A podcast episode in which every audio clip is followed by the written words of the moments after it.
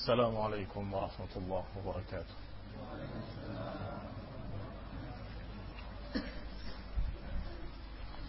إن الحمد لله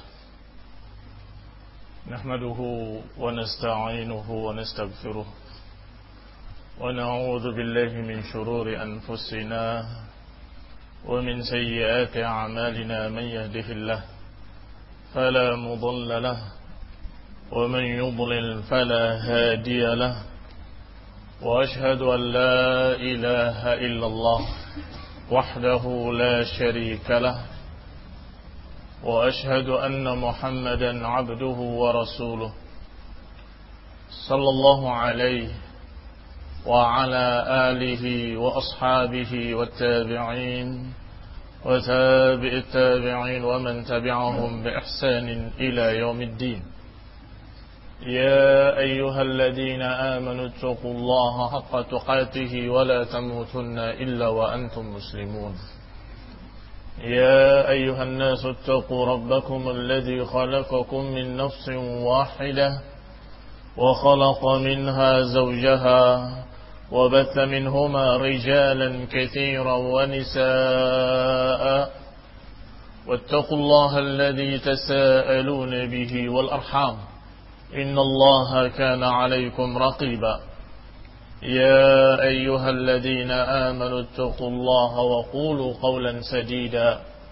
يصلح لكم أعمالكم ويغفر لكم ذنوبكم. ومن يطع الله ورسوله فقد فاز فوزا عظيما. أما بعد فإن خير الحديث كتاب الله. وخير الهدي هدي محمد صلى الله عليه وعلى آله وسلم. وشر الأمور محدثاتها فإن كل محدثة بدعة وكل بدعة ضلالة وكل ضلالة في النار. إخواني في الدين أعزكم الله. كمسلمين سهرنتي kita akan membahas pada sore hari ini tentang masalah sabr. Masalah kesabaran. Dan sabar diiringi syukur adalah dua perkara yang akan membawa seseorang ke dalam jannah. Sehingga digambarkan oleh Ibnu Qayyim rahimahullah bahwa sabar dan syukur itu seperti dua sayap burung yang terbang menuju surga, menuju keridhaan Allah Subhanahu wa taala, menuju jannahnya, menuju keridhaannya. Maka ini adalah perkara yang harus ada pada setiap mukmin. Asyukur wa rasa syukur dan kesabaran. Sehingga tidak bisa dibanding-bandingkan antara keduanya, mana yang lebih baik syukur atau sabar. Tetapi kedua-duanya harus ada. Tidak dikatakan seorang yang sabar kalau tidak syukur. Sebab kenikmatan itu ujian. Kalau kenikmatan itu ujian, siapa yang sabar menghadapi ujian? Orang-orang yang bersyukur. Berarti dia sabar ketika diuji dengan kenikmatan-kenikmatan. Dia sabar. Masya Allah. Atau dia mendapatkan atau dia bersyukur pada Allah Subhanahu wa taala, berarti dia sabar di atas syariat. Karena sabar memiliki sekian makna. Kalaupun secara bahasa sabar bermakna al-habs. Sabar secara lugatan, secara bahasa adalah menahan diri menahan diri dari sesuatu dikatakan sabar. Hampir sama dengan makna saum, makna puasa. Yang juga maknanya menahan diri. Sehingga syahrul Ramadan, syahrul saum dijuluki pula oleh para ulama dengan syahrul sabr, bulan kesabaran. Menahan diri untuk tidak berbuat dosa itu sabar. Menahan diri untuk tidak emosi itu sabar menahan diri untuk tidak mengeluh, tidak menggerutu, tidak marah dengan berbagai macam kejadian-kejadian yang tidak menyenangkan. Ini juga sabar. Berarti sabar ada berapa bentuk? Allah Subhanahu wa taala menyatakan dalam Al-Qur'an فاصبر لحكم ربك ولا تطع منهم آثما أو كفورا kata Allah فاصبر لحكم ربك ولا تطع منهم آثما أو كفورا sabarlah terhadap hukum Rabbmu hukum dari Allah Subhanahu wa taala sabarlah engkau untuk tetap di atas hukum Rabbmu dan jangan turuti mereka asiman au kafura. Jangan turuti mereka asiman pendosa atau kafur orang-orang kafir. Orang-orang kafir membuat berbagai macam godaan-godaan dan fitnah. Asiman pendosa-pendosa juga membuat berbagai macam ajakan-ajakan kepada maksiat. Maka kita seorang mukmin ketika sabar menghadapi godaan-godaan tersebut, apakah dari orang-orang kafir ataupun dari orang-orang fasik atau dari ahli maksiat maka dia berarti sabar. Berarti apa makna sabar dalam ayat ini? Fasbir li hukmi rabbik. Sabarlah terhadap hukum Rabbmu. Artinya engkau tetap di atas hukum Allah. Jangan bergeser. Jangan berubah. Jangan tinggalkan syariat Allah Jangan tinggalkan hukum-hukum Allah yang ini boleh, yang ini tidak boleh, yang ini wajib, yang dianjurkan. Pegang kuat-kuat. Walaupun berbagai macam godaan-godaan dari atiman au kafura, dari pendosa atau dari orang kafir, kita tetap istiqamah di atas hukum Allah. Istiqamah di atas syariat Allah. Ini makna sabar yang pertama. Wasbir li hukmi rabbik. Sabar terhadap hukum Allah subhanahu wa ta'ala. Ada makna yang kedua yaitu ketika Allah Subhanahu wa taala berfirman, "Fasbir inna wa'dallahi haqq." La wa la yastakhiffanna alladhina la yuqinun. Kata Allah, "Fasbir inna wa'dallahi haqq." Sabarlah. Sesungguhnya janji Allah itu pasti. Janji Allah adalah hak. Dan jangan mengurangi keyakinan kalian orang-orang yang tidak mau beriman. Jangan meremehkan kalian, jangan menjatuhkan kalian, jangan menjadikan kalian rendah orang-orang yang tidak beriman, orang-orang yang tidak percaya. Berarti apa makna sabar dalam ayat ini? Karena sabar untuk tetap di atas keyakinan. Tadi sabar di atas hukum-hukum Allah. Sekarang sabar untuk tetap di atas keyakinan tentang apa yang Allah kabarkan dalam Quran dan Sunnah. Berita tentang surga, berita tentang neraka, berita tentang hari kiamat, berita tentang apa yang akan terjadi nanti di akhir zaman. Aqidah, keyakinan harus dibangun dengan ilmu, dengan berita yang pasti dari Allah dan Rasul. Kalau kita beriman kepada Allah dan Rasulnya, maka kita harus percaya dengan apa yang diberitakan dalam Al-Quran tentang hari kiamat. Harus beriman dengan berita-berita yang diberitakan dalam Quran dan Sunnah tentang surga, tentang neraka, tentang hari hisab, tentang hari perhitungan, tentang pertimbangan atau timbangan amal. Semuanya harus kita imani. Beberapa orang-orang yang la yuqinun Orang yang tidak yakin sering bikin fitnah. Apa iya? Nanti akan ada surga dan neraka. Mana? Kapan dan seterusnya. Maka kata Allah, Fasbir. Inna wa'adallahi haq. Sabarlah. Sesungguhnya janji Allah pasti benar. Sesungguhnya janji Allah adalah hak. Yakin terhadap janji-janji Allah. Orang yang mukmin akan diberi pahala dan jannah orang yang kafir diancam dengan adab dalam neraka, ini semua janji Allah. Dan ini semua berita-berita dari Allah yang pasti. Maka orang-orang beriman kadang menunggu janji-janji yang Allah janjikan dalam Quran dan Sunnah. Termasuk janji-janji kemenangan. Seperti Allah kabarkan dalam Al-Quran, Intan surullah yansurkum. Kalau kalian menolong agama Allah, Allah akan menolong kalian. Atau janji Allah Subhanahu wa taala dalam ayat lain. Wa kana haqqan alaina nasrul mu'minin kata Allah. Mesti atasku untuk menolong orang-orang mukmin. Ini pasti Allah akan berikan kemenangan untuk orang-orang mukmin. Kadang-kadang datangnya lambat. Para sahabat sudah berjuang mati-matian. Para sahabat sudah banyak yang terbunuh. Mereka sudah dikepung di perang khandak. Dalam keadaan mereka kesusahan. Kekurangan makanan, kekurangan ini, kekurangan itu. Bahkan kekurangan air. Karena dikepung oleh pasukan azab. Pasukan musyrikin. Yang bergabung bersama Yahud. Mulai gelisah mereka. Ini juga ujian. Ini juga ujian. Adapun para munafikin, orang-orang yang memang di hatinya ada penyakit, yaitu penyakit tidak yakin. Para munafikin yang tidak percaya dengan janji Allah, langsung mereka berkata dengan mulutnya, ucapan-ucapan yang kurang ajar. Mana janji Allah? Mana katanya kita akan menang? Mana? Lihat, musuh sudah demikian banyaknya. Dalam keadaan kita sengsara seperti ini, mana pertolongan Allah? Tidak yakin dengan berita dari Allah Subhanahu wa taala sehingga dengan ujian yang sekian mereka kalah.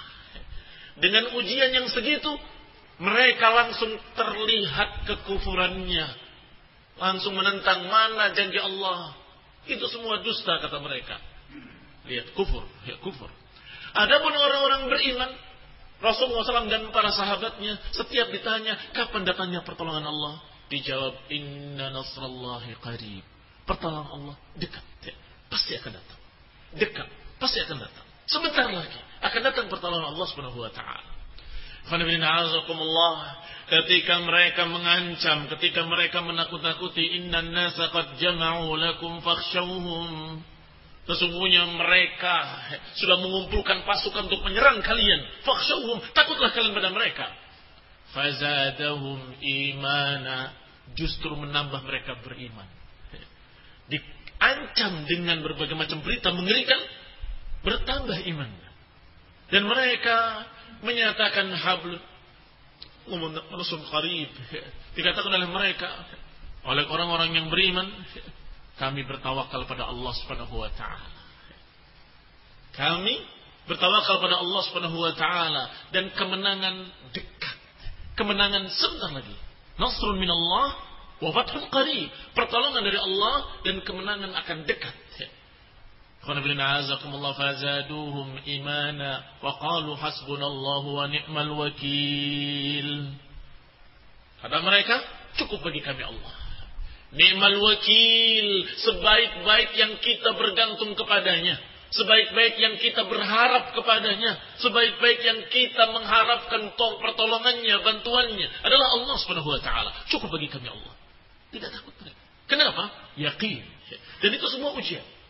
Berita dari musyrikin. Inna nasa qad jama'u lakum. Fasyauhum. Sehingga mereka, manusia telah berkumpul untuk menyerang kalian. Takutlah kalian. Tidak takut sedikit pun. Karena yakin Allah pasti menolong. Demikian pula ketika sudah ditimpa kelaparan, kesusahan.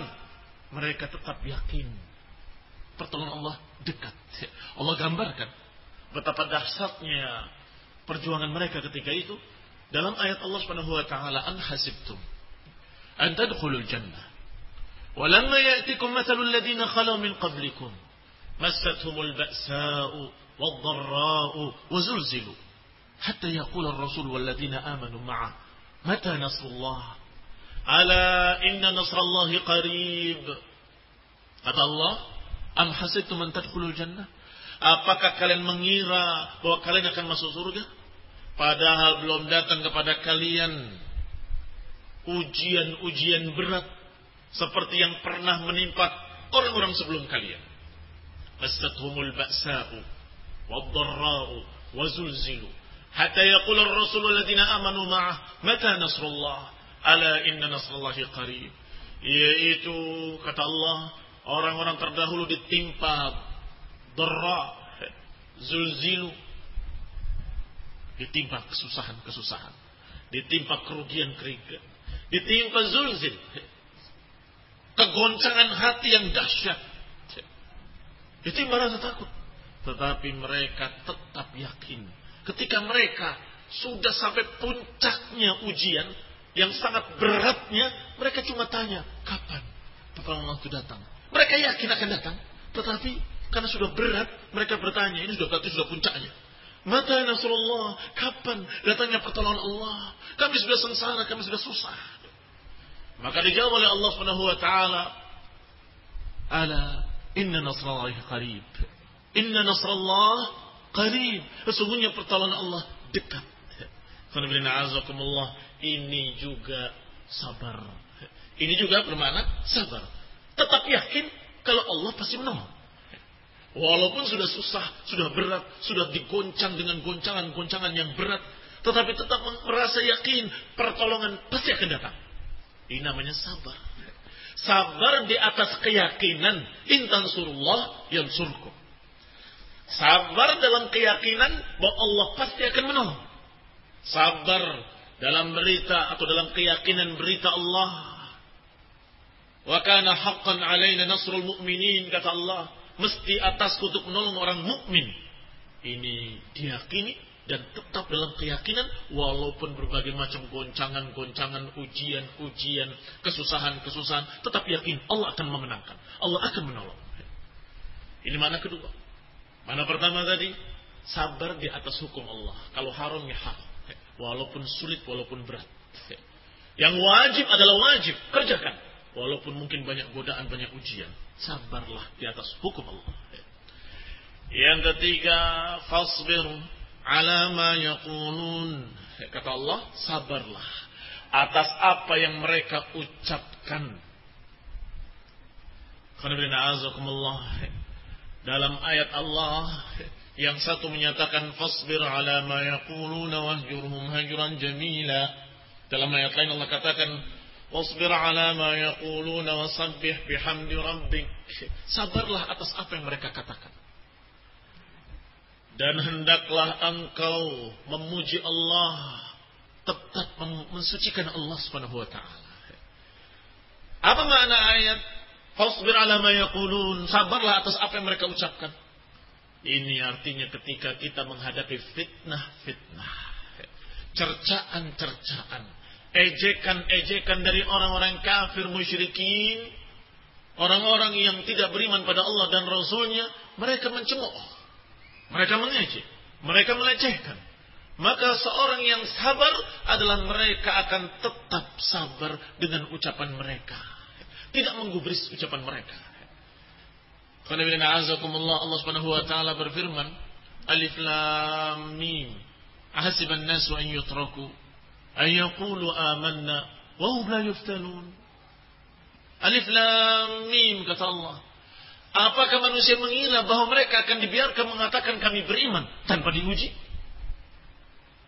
Artinya orang yang menyatakan amanna kami beriman pasti yuftanun, pasti diuji. Diuji dengan berbagai macam cercaan-cercaan, Allah-Allah, ucapan dari mereka-mereka yang jelek. Khonibina azakumullah muslimin yang saya hormati. Allah katakan pada nabinya yang juga berarti pada umat yang mengikutinya fasbir ala ma yaqulun wasabbih bihamdi rabbik. Atau wasbir ala ma yaqulun wahjurhum hajran jamila. Sabarlah terhadap ucapan ucapan mereka. Dan tinggalkanlah dengan baik. Tinggalkanlah dengan baik. Jauhilah mereka. Selesai.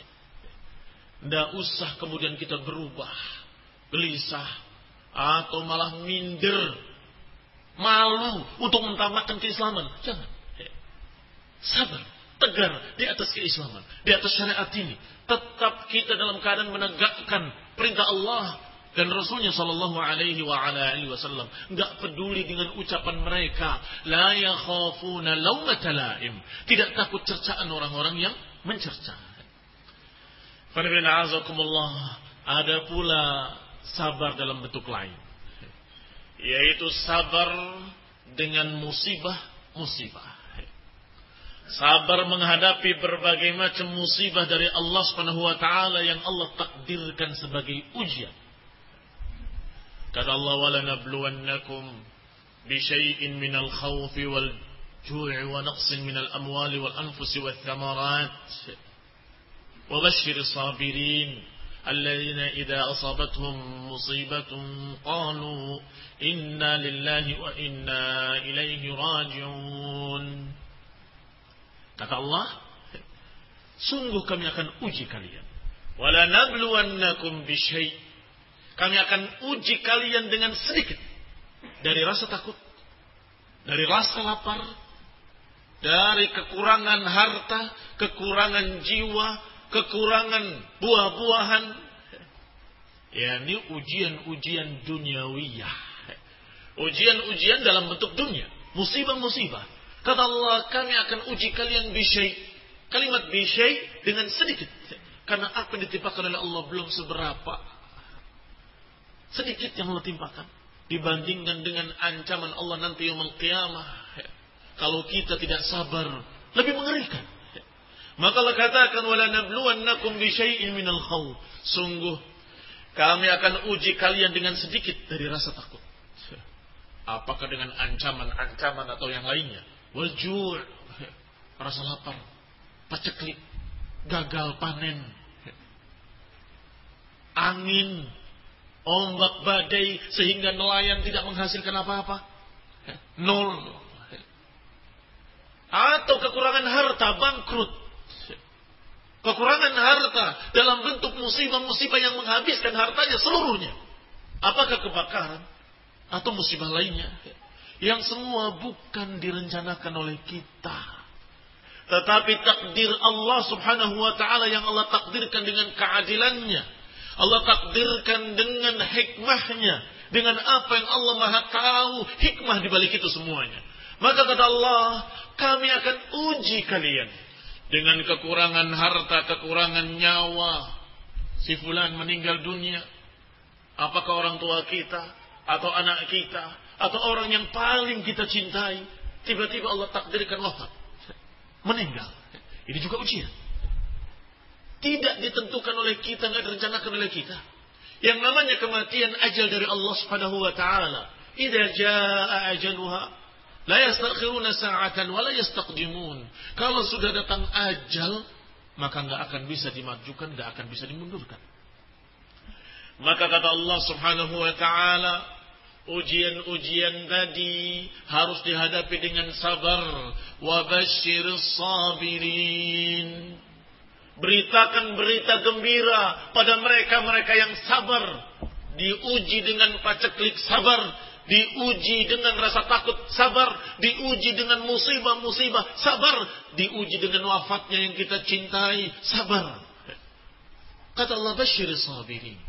Beritakan berita gembira kepada mereka-mereka yang sabar yaitu mereka-mereka yang ketika asabatuhum musibatun qalu yaitu yang kalau ditimpa musibah mereka berkata inna lillahi wa inna ilaihi rajiun yaitu mereka yang berkata kami dari Allah dan akan kembali pada Allah inna lillahi wa inna ilaihi rajiun kita ini milik Allah dan akan kembali pada Allah semua yang ada pada kita dari Allah dan akan diambil kembali oleh Allah.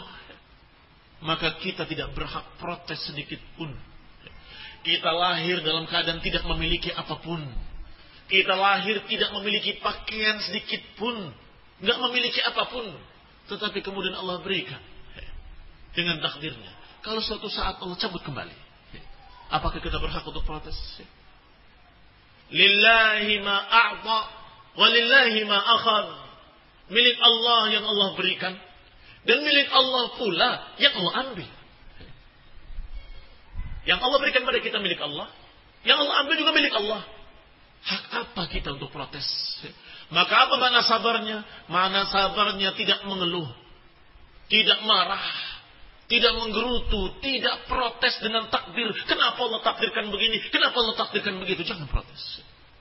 Dan jangan berkata, kenapa orang yang jelek diberi rizki yang banyak, saya yang beriman, yang sholat puasa, kok tidak diberi rizki? Jangan mengatakan seperti itu. Kenapa? Karena dunia tidak bisa jadi ukuran. Dunia la tusawi janaha ba'udah. Dunia ini tidak senilai dengan sayap nyamuk sekalipun. Artinya di sisi Allah nggak ada nilainya. Allah berikan pada orang baik, Allah berikan pula pada orang jelek. Allah berikan pada orang mukmin, Allah berikan pula pada orang kafir. Artinya Allah berikan dunia pada semua. Kalau saja dunia ini ada nilainya, lau kanati dunya tusawi janaha ba'udah, kalau saja dunia ini punya nilai sesayat nyamuk saja, maka nggak akan diberikan pada orang kafir syurbatama. Nggak akan diberikan pada orang kafir seteguk air pun, kata Allah. Kata Nabi SAW dalam hadis yang sahih. Kalau ada nilainya, nggak diberikan pada orang kafir. Tetapi karena nggak ada nilainya, maka diberikan pada semua jenis manusia. Yang diberi bukan berarti dicintai. Yang tidak diberi bukan berarti dibenci. Belum tentu. Orang beriman ada yang diberi, ada yang tidak diberi. Orang kafir ada yang diberi, ada yang tidak diberi. Berarti bukan ukuran. Bahkan Allah cerca mereka yang mengukur dengan dunia. Allah mencerca mereka yang mengukur kecintaan Allah dengan dunia. Yaitu kalau mereka mendapatkan kebaikan-kebaikan mereka berkata Rabbi akraman Robku memuliakan aku ketika dia diberi harta. Ketika dia diberi kekurangan harta paceklik pailit dia mengatakan Rabbi ahanan Robku menghinakan aku. Dia ini salah kata Allah. Keliru. Kalah kata Allah. Apa maknanya kalla? Tidak sekali-kali. Itu bukan ukuran. Ayub alaihissalam, nabiun mursal, nabi yang diutus, nabi yang mulia, yang dicintai oleh Allah Subhanahu wa taala, tetapi beliau mendapatkan musibah penyakit yang menyengsarakan. Ayub alaihissalam. Demikian pula nabi-nabi yang lain mendapatkan masing-masing ujian-ujian. Padahal mereka adalah orang-orang yang dicintai oleh Allah Subhanahu wa taala dan Rasulullah SAW. Nabi kita Nabi Muhammad Sallallahu Alaihi Wasallam wafat dalam keadaan baju besinya masih digadaikan pada seorang Yahudi untuk membeli makanan untuk keluarganya. Masih hutang belum dibayar. Baju besinya masih digadaikan. Sallallahu alaihi wa ala alihi wasallam. Apakah ada yang berani menyatakan Rasulullah tidak dikasih harta dunia karena Allah benci padanya? Astagfirullah. Astagfirullah. Tidak mungkin. Rasulullah SAW adalah Khalilullah. Habibullah. Kekasih Allah. Kecintaan Allah. Tetapi toh pas-pasan beliau. Sallallahu alaihi wa ala alihi wasallam. Tetapi kadang Allah berikan sebaliknya. Sebagai ujian. Allah berikan kekayaan. Allah berikan kerajaan Allah berikan kerajaannya tidak hanya menguasai manusia, tetapi juga menguasai jin-jin dan binatang-binatang. Yaitu Nabi Sulaiman alaihissalam. Tetapi apa kata Nabi Sulaiman? Hada min fadli Rabbi liyabluwani aashkuru am akfur. Lihat seorang rasul mukmin taqi, seorang yang beriman bertakwa, seorang rasul alaihi salam menyatakan ketika diberi Demikian besarnya kerajaan dan kekuasaan. Kalimatnya, Hada min fadli Rabbi. Ini dari fadilah Allah, liyabluwani, untuk menguji aku. Ashkur am akfur, untuk menguji aku. Apakah aku syukur atau kufur? Jangan sampai baru dikasih sedikit, sudah sombong. Kemudian dia melalaikan perintah-perintah Allah mengabaikan ucapan-ucapan Rasulullah. Kemudian dia menginjak-injak orang yang di bawahnya. Menolak kebenaran, meremehkan manusia. Berarti dia tidak sabar. Diuji kekayaan. Kadang-kadang manusia diuji dengan kemiskinan bisa sabar. Ternyata diuji dengan kekayaan, tidak sabar. Ada pula yang sebaliknya diuji dengan kekayaan sabar, masya Allah, tambah beriman, tambah yakin, tambah sodakohnya, tambah masya Allah. Tetapi ketika dibalik oleh Allah, dijadikan dia pailit, tiba-tiba dia mencuci maki Allah. Astagfirullah. Tiba-tiba dia marah, menyatakan kenapa Allah begini, kenapa Allah begitu. Astagfirullah. La yus'alu amma yaf'al wa hum yus'alun. Allah enggak ditanya berbuat begini, berbuat begitu. Tetapi mereka yang akan ditanya. Allah la yus'alu amma yaf'al. Allah nggak ditanya kenapa menakdirkan ini, kenapa menakdirkan itu. Tidak pantas kita mempertanyakan perbuatan Allah. Nggak pantas kita mempertanyakan kenapa Allah menakdirkan begini, kenapa Allah menakdirkan begitu. Kita yang akan ditanya oleh Allah Subhanahu wa taala. Tetapi azakumullah, seorang mukmin harus sabar pada dua keadaan. Harus sabar dalam dua keadaan. Keadaan baik ataupun keadaan jelek. Keadaan untung atau keadaan buntung. Keadaan dia kaya ataupun keadaan dia miskin. Tetap harus dia beriman pada Allah. Dan tetap di atas hak. Tetap dia sabar dengan ujian-ujian. Walanabluwannakum bisyarri wal khairi fitnah. Atasbirun. Kata Allah, kami akan uji. Bisyarri wal khairi fitnah. Kami akan uji kalian dengan dua. Bisyarri wal khairi fitnah. Dengan kebaikan dan kejelekan sebagai fitnah. Sebagai ujian. Atasbirun. Apakah kalian sabar? Artinya kalau kita mendapatkan kebaikan-kebaikan dunia, tetaplah sabar di atas syariat tetap syukur pada Allah, tetap beramal saleh, tetap beribadah, tetap berakhlak mulia, tetap sopan, tetap tidak sombong. Demikian pula sebaliknya ketika Allah jadikan pailit dia, miskin dia. Maka hendaklah dia tetap sabar, tetap di atas syariat, tetap beribadah, tetap berakhlak mulia, tetap memuji Allah subhanahu wa ta'ala. Alhamdulillah. Diajarkan dua kalimat pujian pada Allah subhanahu wa ta'ala. Alhamdulillah alladzi bi ni'matihi tatimmu salihat. Dan juga alhamdulillah ala kulli. Yang pertama, kalau diberi kebaikan-kebaikan dunia, keuntungan-keuntungan dunia, maka kita menyatakan alhamdulillah alladzi bi ni'matihi tatimmu salihat. Alhamdulillah dengan kenikmatan dari Allah, semua kenikmatan jadi sempurna. Semua kebaikan jadi sempurna. Tetapi kalau ditimpa kekurangan-kekurangan, maka kita katakan alhamdulillah ala kulli hal. Alhamdulillah ala kulli hal, yani segala puji bagi Allah atas keadaan apa pun. Kita tetap memuji Allah Subhanahu wa taala. Ini dikatakan dengan sabar. Maka ikhwan fillah a'azakumullah. Wa qad sahha Nabi sallallahu alaihi wa ala alihi wasallam. Nabi SAW berbicara tentang masalah puasa. Kenapa menjadi istimewa? Karena di dalamnya mengandung kesabaran dan mengandung pendidikan kesabaran.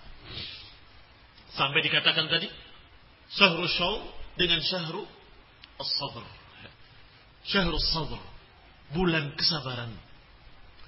Kenapa? Karena Nabi menyatakan kullu amal bani Adam lahu illa sawm. Kata Nabi Allah berfirman. Allah berkata, bahwa setiap amalan anak Adam semua untuk dia illa saum kecuali puasa fa innahu li wa ana ajzi bih. Kecuali puasa. Karena itu itu untukku dan aku yang akan balas dia sekehendakku. Kullu amal bani adam yudha'af lahu hasanah bi ashri amthaliha. Semua amal saleh akan dilipatkan sepuluh kali lipat. Illa saum kecuali puasa. Fa innahu li wa ana ajzibih maka itu untukku dan aku akan balasnya sesukaku kata Allah. Dalam riwayat Muslim dalam Sahih Bukhari dan juga diriwayatkan dalam hadis yang lain. Yada syahwatahu wa ta'amahu wa syarabahu min ajli. Kata Nabi alaihi wasallam kenapa kok puasa demikian istimewa? Pahalanya Allah berikan sekehendaknya. Dan Allah katakan kuasa itu untukku dan aku yang akan membalasnya sesukaku kata Allah. Kenapa demikian istimewanya? Kata Nabi sallallahu alaihi yada syahwatahu wa ta'amahu wa syarabahu min ajli. Kata Nabi, Allah berfirman tentang puasa. Karena dia hambaku meninggalkan syahwatnya karena aku meninggalkan makan dan minumnya karena aku kata Allah maka aku akan berikan padanya walihada oleh karena itu kita melihat bahwa puasa dengan kesabaran adalah perkara yang sangat erat hubungannya siapa yang bisa berpuasa harusnya dia bisa sabar kenapa? karena hampir sama apa bedanya? ketika siang hari panas terik haus dia mau minum saya puasa. Haus dia. Ditahan hausnya. Ditahan laparnya. Karena Allah subhanahu wa. Tapi sekarang di luar Ramadan. Di luar Ramadan. Kamu ingin sesuatu yang haram. Pingin. Tapi karena haram, kamu tahan. Tidak. Itu haram. Sama atau tidak sama? Sama. Melihat harta melimpah di hadapan matanya. Tapi bukan miliknya. Saya ambil, berarti mencuri. Haram. Tidak ambil, sangat inginnya. Haus dia. Pingin. Tapi dia tahan. Tidak. Itu haram. Ini azakumullah yang namanya as-sabru, yang namanya sabar. Menahan diri dari yang haram. Seorang berpuasa, menahan lapar, menahan haus, menahan syahwatnya untuk tidak menyentuh istrinya padahal istrinya halal buat dia. Tapi dia bisa sabar. Sabar. Kenapa sebentar lagi berbuka? Sabar. Sebentar lagi datang maghrib. Silahkan. Buka puasa. Demikian pula perkara-perkara yang haram di dunia ini. Tahan, sabar. Jaga dirimu dan syahwatmu, tahan. Sampai kapan? Sampai nanti bertemu Allah Subhanahu wa taala. Allah berikan jannah dan gak ada yang diharamkan oleh Allah. Silahkan. Allah berikan sungai dari khamr, sungai dari susu, sungai dari madu. Silahkan. nanti buka puasanya. Maka ini adalah latihan kesabaran. Maka ikhwan bin azakumullah Rasulullah sallallahu alaihi wa ala alihi wasallam menyatakan kepada para pemuda yang syahwatnya sudah tinggi, yang sudah harusnya dia nikah, tetapi nggak mampu untuk nikah. Apa perintah Nabi kepadanya? Puasa. Puasa. Karena puasa itu menahan syahwat dan melatih diri untuk menahan syahwat. Ketika dikatakan oleh seseorang atau dikatakan tentang seseorang yang tidak mampu untuk menikah, tapi dia sudah mampu, sudah bisa maksudnya, tetapi belum ada harta untuk menikah. Maka kata Nabi alaika bisawm fa innahu la adla lahu. Kata Nabi hendaklah engkau berpuasa karena itu sudah tidak ada bandingnya. Diriwayatkan oleh Imam An-Nasai dan juga oleh Ibnu Majah. Khairin azakumullah kaum muslimin yang saya hormati. Ini menunjukkan bahwa puasa itu betul-betul disyariatkan oleh Allah adalah untuk melatih kesabaran. Sehingga seorang yang dalam keadaan dia sudah syahwatnya tinggi tapi belum mampu menikah, maka diperintahkan untuk berpuasa. Alaika bisawm fa innahu la adla lahu. Walamma kana sabr habsun nafsi an ijabati da'il hawa. Berarti yang namanya puasa adalah menahan diri dari hawa nafsu. Nafsu makan, nafsu minum, nafsu syahwatnya, nafsu seksnya, ditahan semua. Maka dengan itu dia akan terlatih kesabarannya. Bagaimanapun nafsunya sedang tinggi, kalau haram dia akan tahan. Sudah biasa. Dia menahan lapar, menahan puasa, menahan syahwatnya. Sudah biasa di bulan Ramadan. Karena bila na'azakumullah muslimin yang saya hormati. Maka ketika Allah berkata ista'inu bisabri wassalah. Mintalah bantuan kepada Allah dengan sabar dan salat. Ternyata tafsir dari sabar di dalam ayat tersebut adalah puasa. Subhanallah. Para ahli tafsir menyatakan bahwa makna as-sabr di sini adalah as-saum. Ista'inu bis-saumi was-salah. Mintalah pertolongan pada Allah dengan cara kamu ibadah. Ibadah salat, ibadah puasa. Tentunya ini tafsir tanawwu. Artinya tafsir yang menafsirkan bahwa itu adalah sabar secara umum adalah benar, yang menafsirkan puasa juga benar, karena kedua-duanya tidak bertentangan. Minta bantuan pada Allah dengan ibadah puasa, dengan ibadah salat, dan dengan kesabaran. Wa summiya Ramadan syahrus sabr. Oleh karena itu bulan Ramadan dikatakan bulan kesabaran. Wa qala salaf dan sebagian para salafus saleh menyatakan bahwa sabar puasa adalah nisfus sabri. Puasa itu setengah kesabaran. Wadhalika anna sabr hafsun nafs an ijabati da'i syahr wal ghadab. Fa inna nafs tashtahi asy li husul al-ladzah bi idraki. Karena yang namanya puasa menahan diri dari syahwatnya. Termasuk menahan diri dari emosi dan marah. Sehingga seorang yang puasa. Bisa menahan makannya, menahan laparnya, menahan hausnya. Bisa menahan syahwatnya kepada istrinya. Ternyata dia tidak sabar dalam menahan emosinya. Kemudian marah. Karena azakumullah dikatakan aku tidak butuh kata Allah. Dari laparnya dia dan puasanya dia. Ngapain? Kalau dia bisa lapar-lapar, bisa puasa dari makan dan minum, tetapi nggak bisa puasa dari marahnya, dari emosinya. Maka ikhwan ibn a'azakumullah Rasulullah sallallahu alaihi wa ala alihi wasallam mengajarkan bahwa dalam puasa untuk tidak marah. Untuk tidak marah. Kalau ada seseorang yang mengganggunya, yajhal atau seorang yang menjahilinya, atau ada seorang yang membuat jengkel dia, membuat marah dia, kata Nabi, fala yajhal wa la yaskhab. Maka kamu jangan membalas dengan kejahilan dan jangan mengeraskan suara marah-marah. Fa'in ahadun sabbahu aw syatamahu falyakul.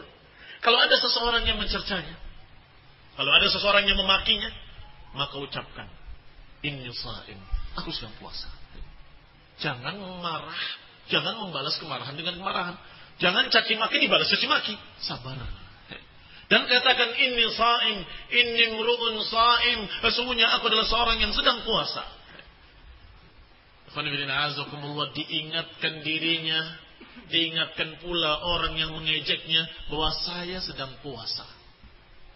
Jangan membuat marah. Dan saya berpuasa, saya nggak akan marah. Ini adalah hikmah dari diwajibkannya puasa. Diwajibkannya bulan Ramadan setiap tahunnya. Semestinya Walaupun di bulan-bulan lain di luar bulan Ramadan, kita harus bisa menahan syahwat. Kalau itu haram. Bisa menahan lapar kalau ternyata makanannya haram. Bisa menahan haus kalau ternyata minumannya haram. Bisa menahan diri dari kemarahan dan bisa menjalankan perintah Allah Subhanahu wa taala, idfa billati hiya ahsan. Balaslah dengan yang lebih baik. Balaslah dengan yang lebih baik. Maka Allah Subhanahu wa taala menyatakan wala najziyanna alladziina sabaru ajrahum bi ahsana ma kanu ya'malun. Kata Allah, kami sungguh akan memberikan balasan. Wala najziyanna alladziina sabaru. Kami akan memberikan balasan kepada orang-orang yang sabar ya'malun dengan sebaik-baik dari apa yang mereka kerjakan. Ini janji Allah Subhanahu wa taala. Yaitu dibalas oleh Allah Subhanahu wa taala dengan ahsana ya'malun, dengan sebaik-baik apa yang mereka kerjakan. Dan juga dibalas oleh Allah dengan ma'iyah. Apa itu ma'iyah? Kebersamaan Allah Subhanahu wa taala. Inna Allah ma'as sabirin. Sesungguhnya Allah bersama orang-orang yang sabar. Mana ma'iyah di sini adalah Allah di pihak orang yang sabar. Allah akan membelanya, Allah akan mendukungnya, Allah akan membantunya. Pernah pada satu hari di depan Rasulullah SAW ada dua orang yang bertikai. Yang satu berbicara terus, kamu begini, kamu begini, kamu begini.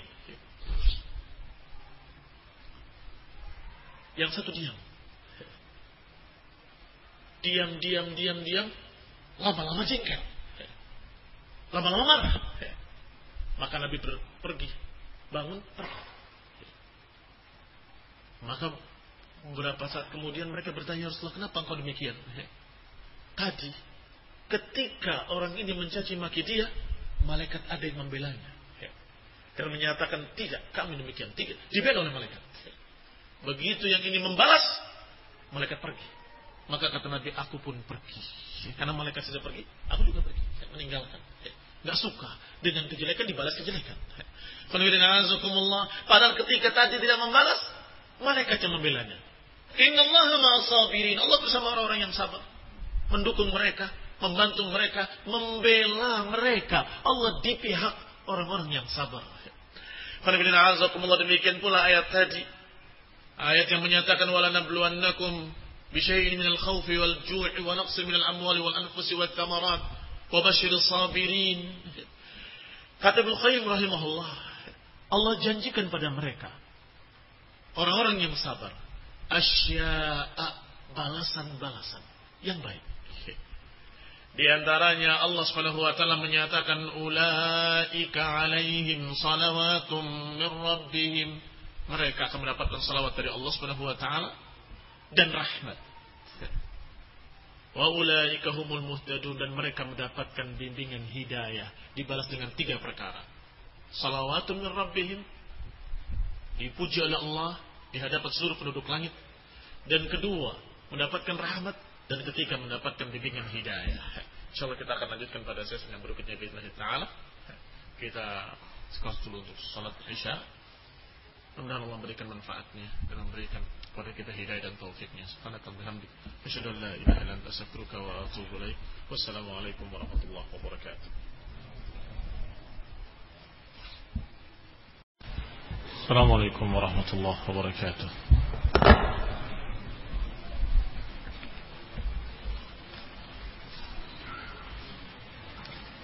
إن الحمد لله.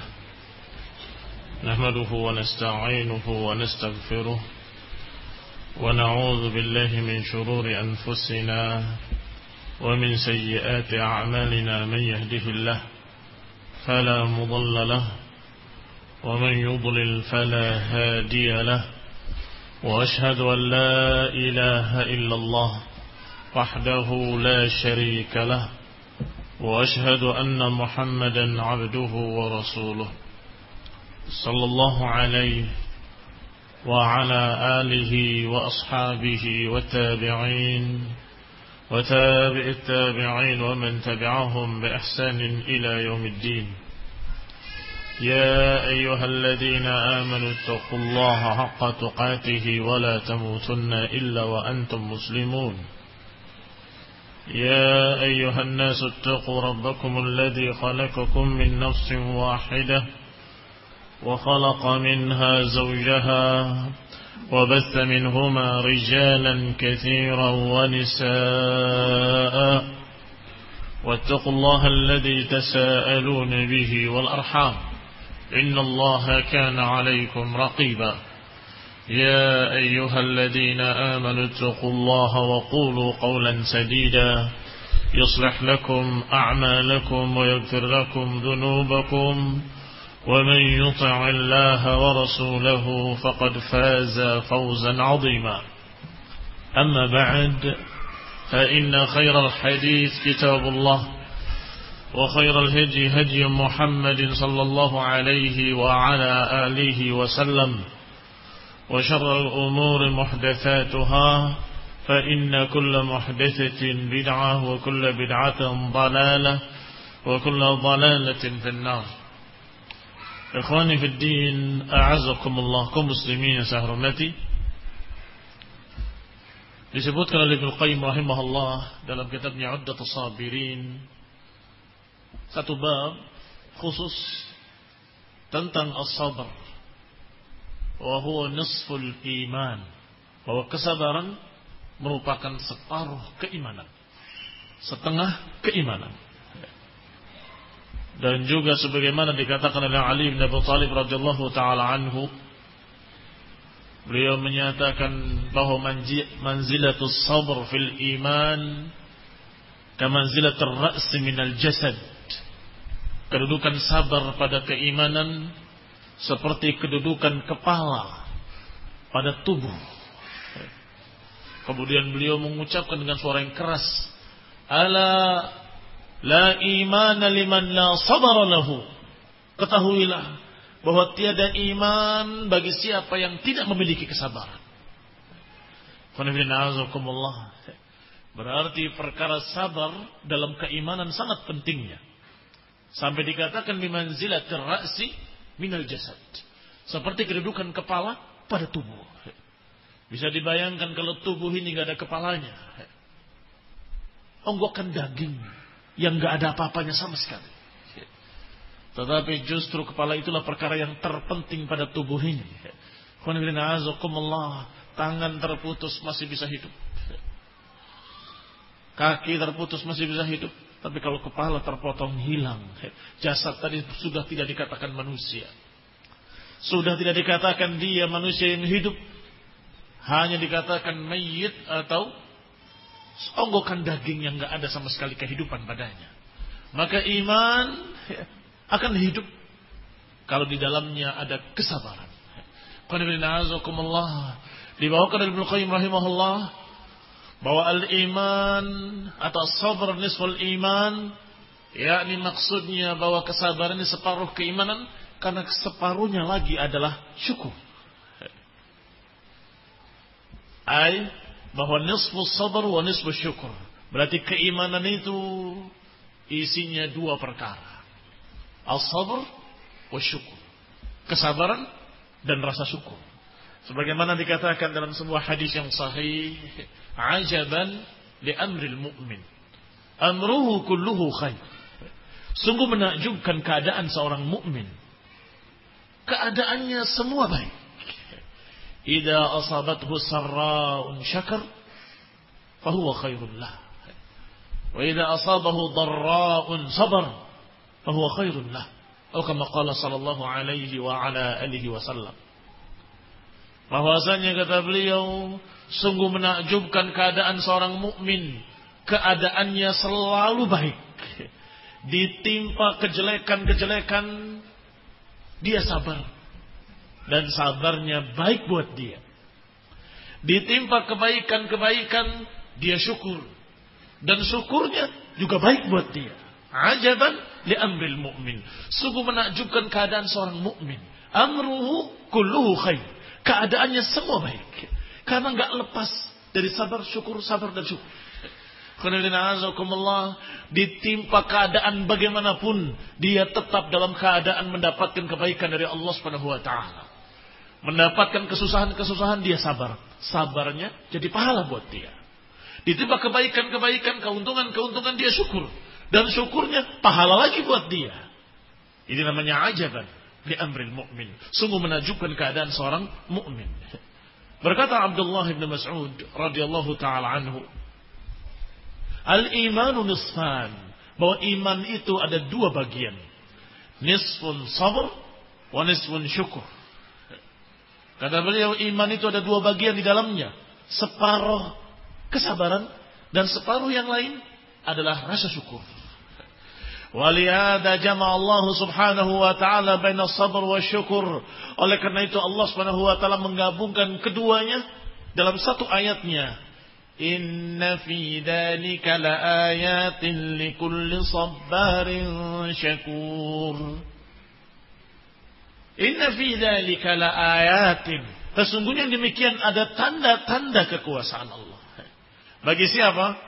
Likulli sabbarin syakur Sabar yang sangat sabar. Syakur yang sangat syukur. Sabar mubalaghah dari sabir. Orang yang sangat sabar dan sangat syukur. Likulli sabarin syakur. Yaitu orang yang memiliki sifat sabar dan syukur. Penyabar dan yang selalu syukur. Karena muslimin yang Inna fi dzalika la ayatin likulli sabarin syakur. Ayat ini mencakup di dalamnya dua perkara. Disebutkan dalam surat Ibrahim. Disebutkan pula dalam surat Hamim, Ain, Sin, Qaf. Disebutkan dalam surat Saba. Dan dalam surat Luqman.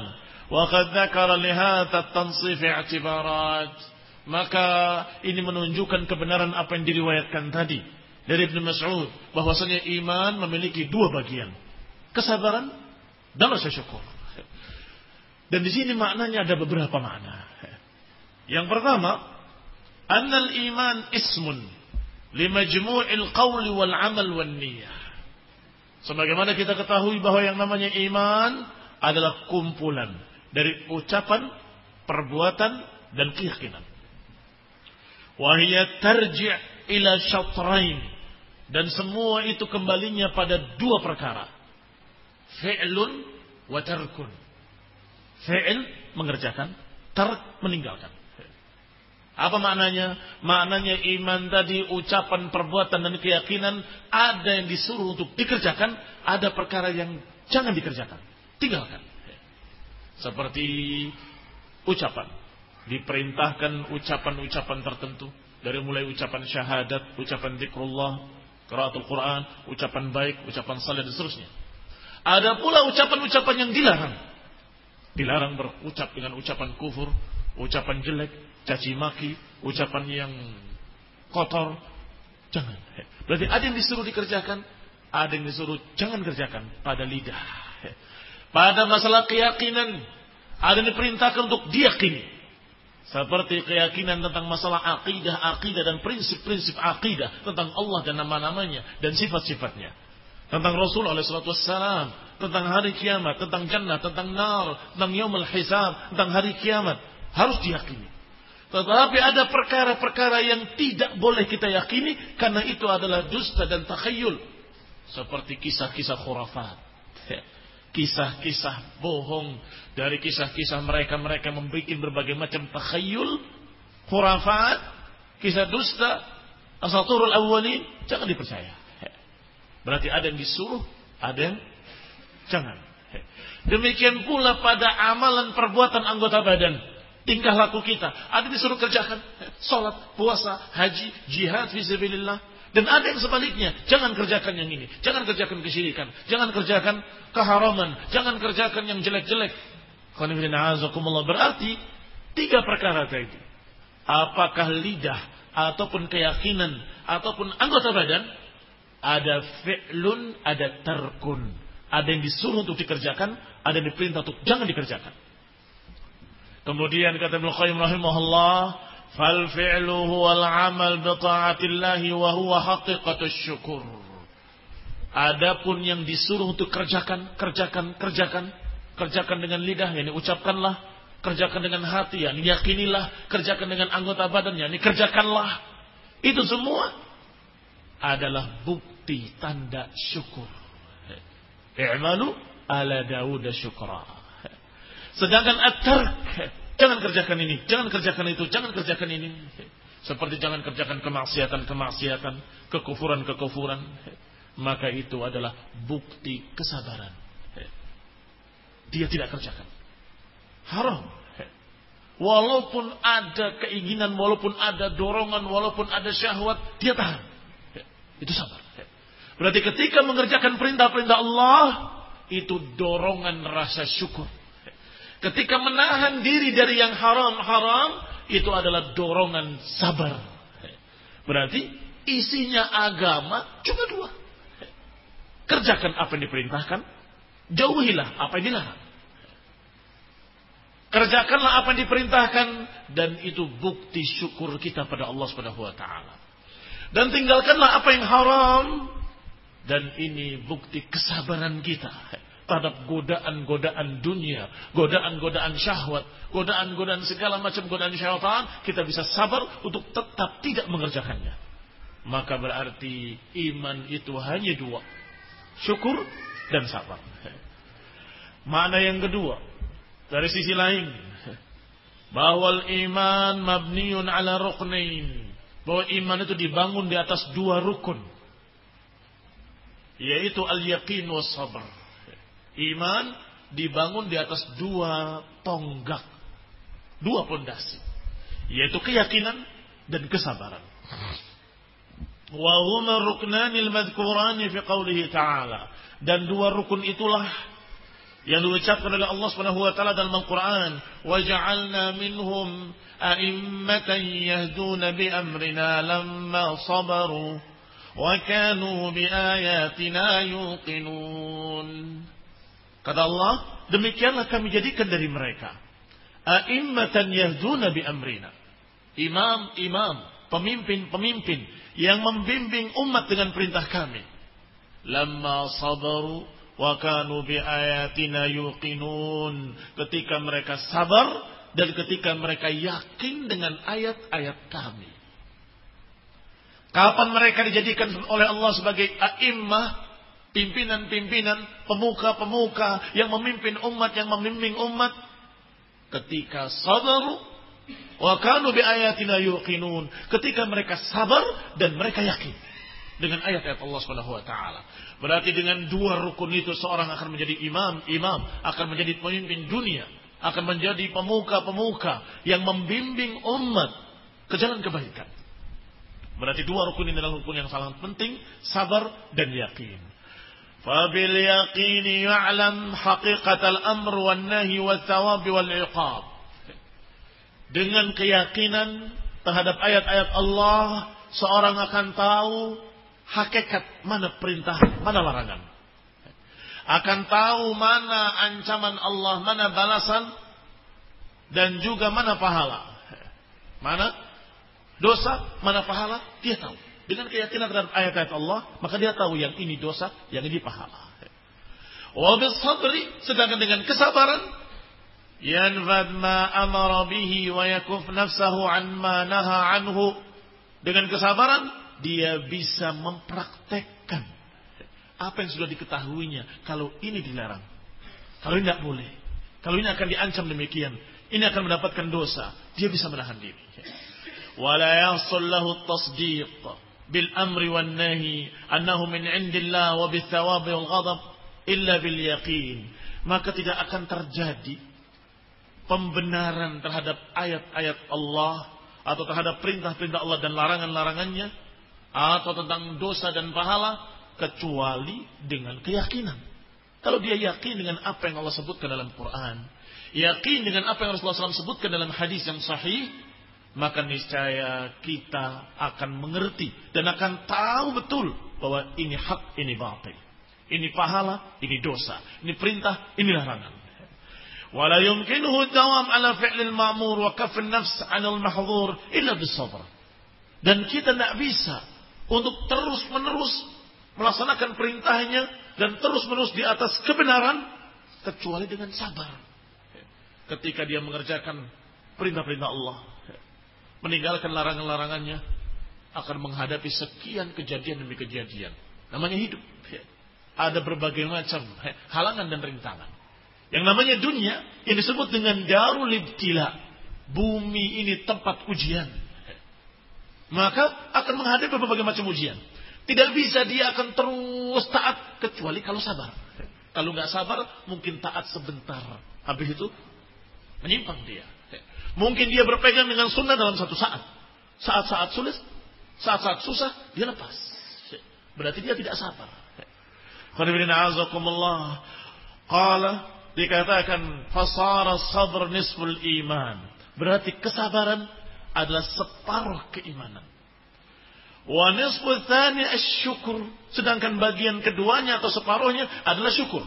Bifi'li ma umira bihi bitarki manuhya an yaitu dengan mempraktekkan apa yang Allah Subhanahu wa taala gariskan. Sudah kita singgung dalam khutbah Jumat. Bahwa ketika kita diberi oleh Allah bimbingan syariat, harusnya kita berterima kasih alhamdulillah. Kita bersyukur. Alhamdulillah kita dibimbing. Dan syukurnya itu dengan apa? Dengan kita terima dan kita amalkan. Itu tanda syukur kita kepada Allah. Alhamdulillah kita dibimbing. Jangan seperti mereka-mereka yang bodoh ketika diberi oleh kita satu aturan-aturan dikasih alamat lengkap. Ini alamatnya ini keterangan-keterangannya sangat jelas gamblang. Kemudian orang itu menyatakan terima kasih banyak terima kasih banyak. Kemudian dia robek dia buang. Kira-kira kamu bilang apa? Orang ini bersyukur berterima kasih atau tidak? Tidak Ucapannya menyatakan terima kasih, terima kasih, tapi kemudian dia dipakai. Dia buang bimbingan tadi. Menunjukkan kalau dia sesungguhnya tidak punya sama sekali rasa syukur. Enggak berterima kasih kepadamu ketika kamu memberikan keterangan yang jelas tentang alamat yang dia cari. itu alamat-alamat dunia. Paling ruginya dia tersesat di dunia. Enggak ketemu alamat yang dicari. Tetapi kalau masalah agama, ruginya masalah bukan masalah yang sebentar. Masalah yang khalidina fiha. Kalau dia salah jalannya, dia kekal dalam neraka selama-lamanya. Dan kalau dia benar jalannya, dia di surga selama-lamanya. Ini bukan perkara kecil, bukan perkara remeh. Maka ketika Allah bimbingkan, Allah turunkan Al-Quran, Allah utus Rasulnya, Allah turunkan syariat ini, terimalah. Maka kita terima dengan bersyukur Alhamdulillah. Maka kita pegang kuat-kuat, kita pelajari, kita kerjakan. Kita ikuti apa yang Allah ajarkan. Kita telusuri apa yang Allah gariskan. Maka niscaya kita selamat di dunia dan selamat di akhirat. Mendapatkan apa yang kita harapkan. Yaitu jannah dan keridhaan Allah subhanahu wa ta'ala. Mendapatkan kebahagiaan dunia, kebahagiaan akhirat. Ini namanya syukur. Berarti syukur itu adalah dengan menerimanya. Dan berpegang dengannya. Sehingga kata beliau, kata Ibnu Qayyim, iman isinya dua perkara itu tadi. Ketika kita melihat bahwa iman ini berisi perkara-perkara yang disebutkan sabar dan yakin. Kesabaran langsung disebut oleh Allah Subhanahu wa taala. Yang kedua keyakinan. Apa maknanya keyakinan? Keyakinan bahwa apa yang diturunkan oleh Allah adalah hak. Keyakinan bahwa ayat-ayat Allah itu pasti benar. Dan tidak dikatakan yakin kalau dia tidak syukuri. Iya kan? Tidak dikatakan yakin kalau dia tidak kerjakan. Ya yakin sih yakin. Tapi nggak kerjakan dia. Dusta dia. Bohong dia mengatakan yakin. Kamu yakin ini benar? Yakin. Tapi saya nggak mau ngikut. Kenapa? Kalau dia yakin itu benar, pasti akan akan buktikan dengan ngikut. Dan itu yang dikatakan dengan syukur. Alhamdulillah kita mendapatkan kebenaran. Eh, kita kerjakan. Maka dua perkara ini tidak bisa dipisahkan. Merupakan rukun dari rukun-rukun iman. As-sabr syukur. Gambaran ketiga. Bahwa al-iman qaulun wa amal. Iman itu terdiri dari ucapan dan perbuatan. Ucapannya ucapan hati dan ucapan lisan. Perbuatannya perbuatan hati dan perbuatan lisan. Lihat azakumullah. Berarti yang namanya iman ada amalan-amalan bahir ada amalan-amalan batin. Ada amalan yang terlihat, ada amalan yang tidak terlihat. Amalan yang terlihat seperti sholat kelihatan, sodakoh kelihatan, atau berbuat baik, berakhlak mulia terlihat. Tetapi ada amalan-amalan yang sifatnya kalbiyah. Mencintai Allah, mencintai Rasulnya. Ya. Keyakinan terhadap ini, terhadap hari kiamat. Ini dalam hati. Tidak terlihat. Yang terlihat hanya bukti-buktinya. Ucapan juga sama. Ada ucapan di lidah, terdengar suaranya, kalimat Alhamdulillah, kalimat bacaan Al-Quran, Masya Allah.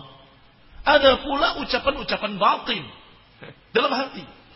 Sesungguhnya saya begini, begini dalam hatinya dia mengucapkan. Itu juga ucapan. Berarti iman terbagi dua. Ada amalan-amalan bahir, ada amalan-amalan batin. Ada ucapan-ucapan bahir, ada ucapan-ucapan batin. Maka kata Ibnu Qayyim rahimahullah, keterangannya dzalika anna man arafa Allah biqalbihi wa lam yuqir bilisani lam yakun mu'minan. Kalau dia mengenal Allah dengan hatinya, meyakini di hatinya kalau Allah la ilaha illahu, tidak ilah kecuali dia, yakin bahwa Allah memiliki sifat keesaan, rububiyah, uluhiyah, asma dan sifat tahu dia. Tetapi lidahnya, dohirnya, nggak mau mengikrarkan keislaman. Bagaimana dia? Mukmin? Kafir dia. Kafir dia, seperti Fir'aun. Allah katakan, وَجَحَدُوا بِهَا وَاسْتَيْقَنَتْهَا أَنفُسُهُمْ ظُلْمًا وَعُلُوًا mereka menentangnya, kata Allah. Padahal hati mereka yakin. Jahadu biha Wastaiqanatha anfusuhum. Hati mereka yakin, tetapi mereka menolak. Dalam keadaan hati mereka yakin, ini kadang kezaliman dan kesombongan, zalim dan sombong. Hatinya yakin, tapi tetap menentang. Mukmin atau bukan mukmin? Kafir. Firaun tokoh kekafiran. Tauhid. Walaupun kata Allah istaiqanatha anfusuhum. Hati mereka yakin tetapi jahadu biha. Mereka menolak. Berarti punya keyakinan, nggak punya amalan zahir, bukan mukmin. Kama qala an qaumi 'ad wa qaumi Salih. Sebagaimana Allah kisahkan pula kaum 'Ad dan kaum Salih.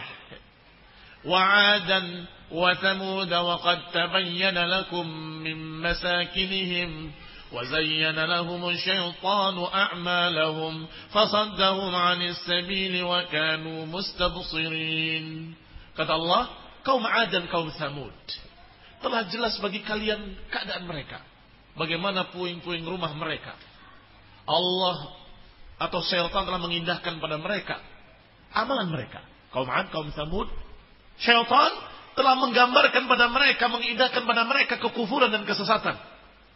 Fasaddahum anis sabil. Akhirnya mereka menentang jalan Allah. Wa kanu mustabsirin. Padahal mereka paham. Mustabsir maknanya basir. Makanya maknanya mereka tahu, mereka mengerti. Lihat azabullah. Sama seperti Firaun.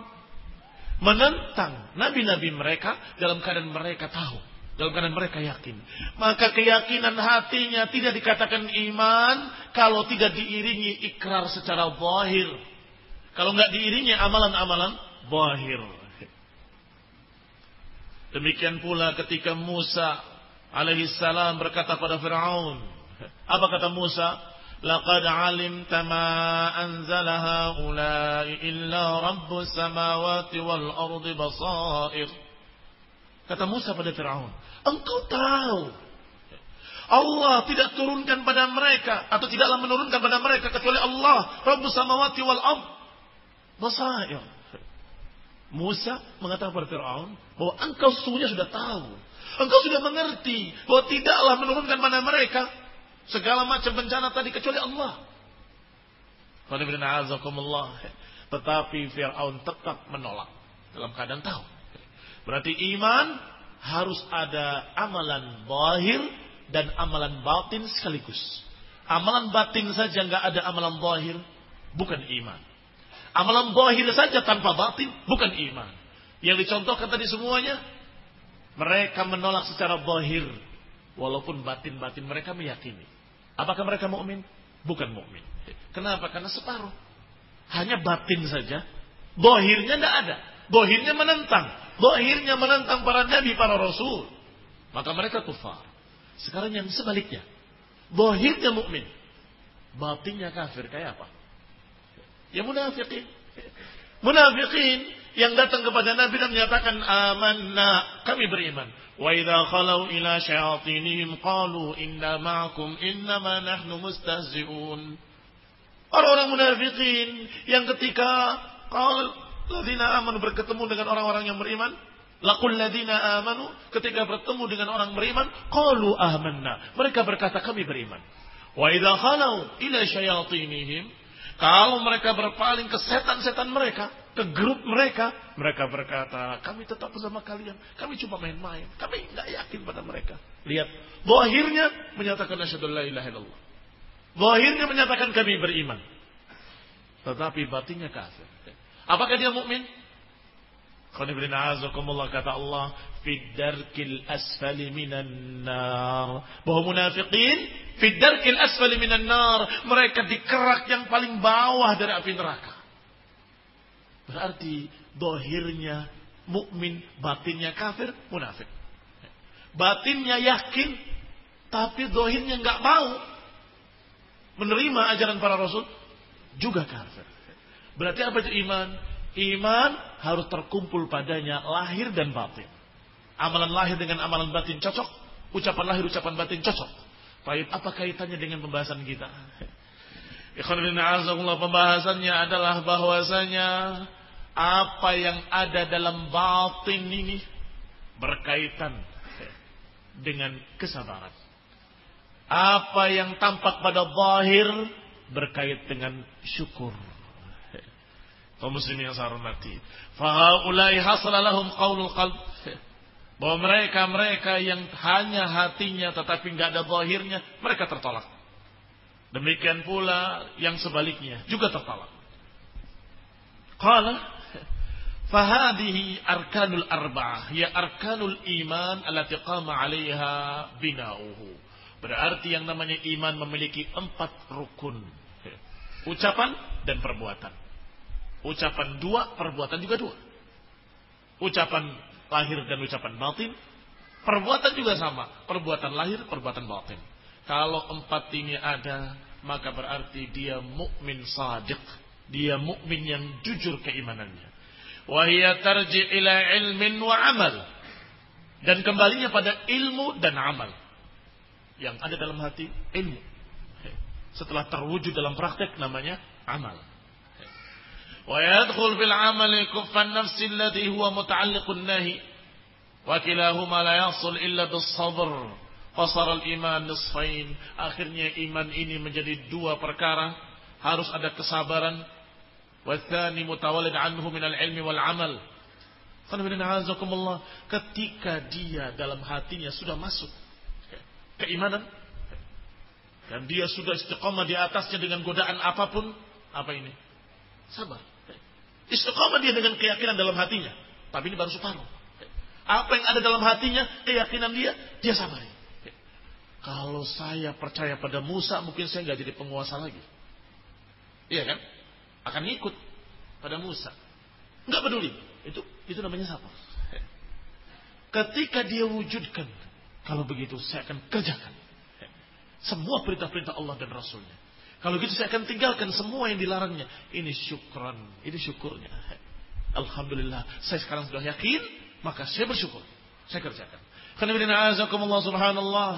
Ibnu Qayyim rahimahullah membahas secara rinci tentang masalah iman, bahwa iman itu terkandung di dalamnya syukur dan sabar dalam berbagai macam pembahasan tadi. Ada satu pembahasan lagi, yaitu pembahasan yang keempat, bahwa iman berkait dengan masalah jiwa ini.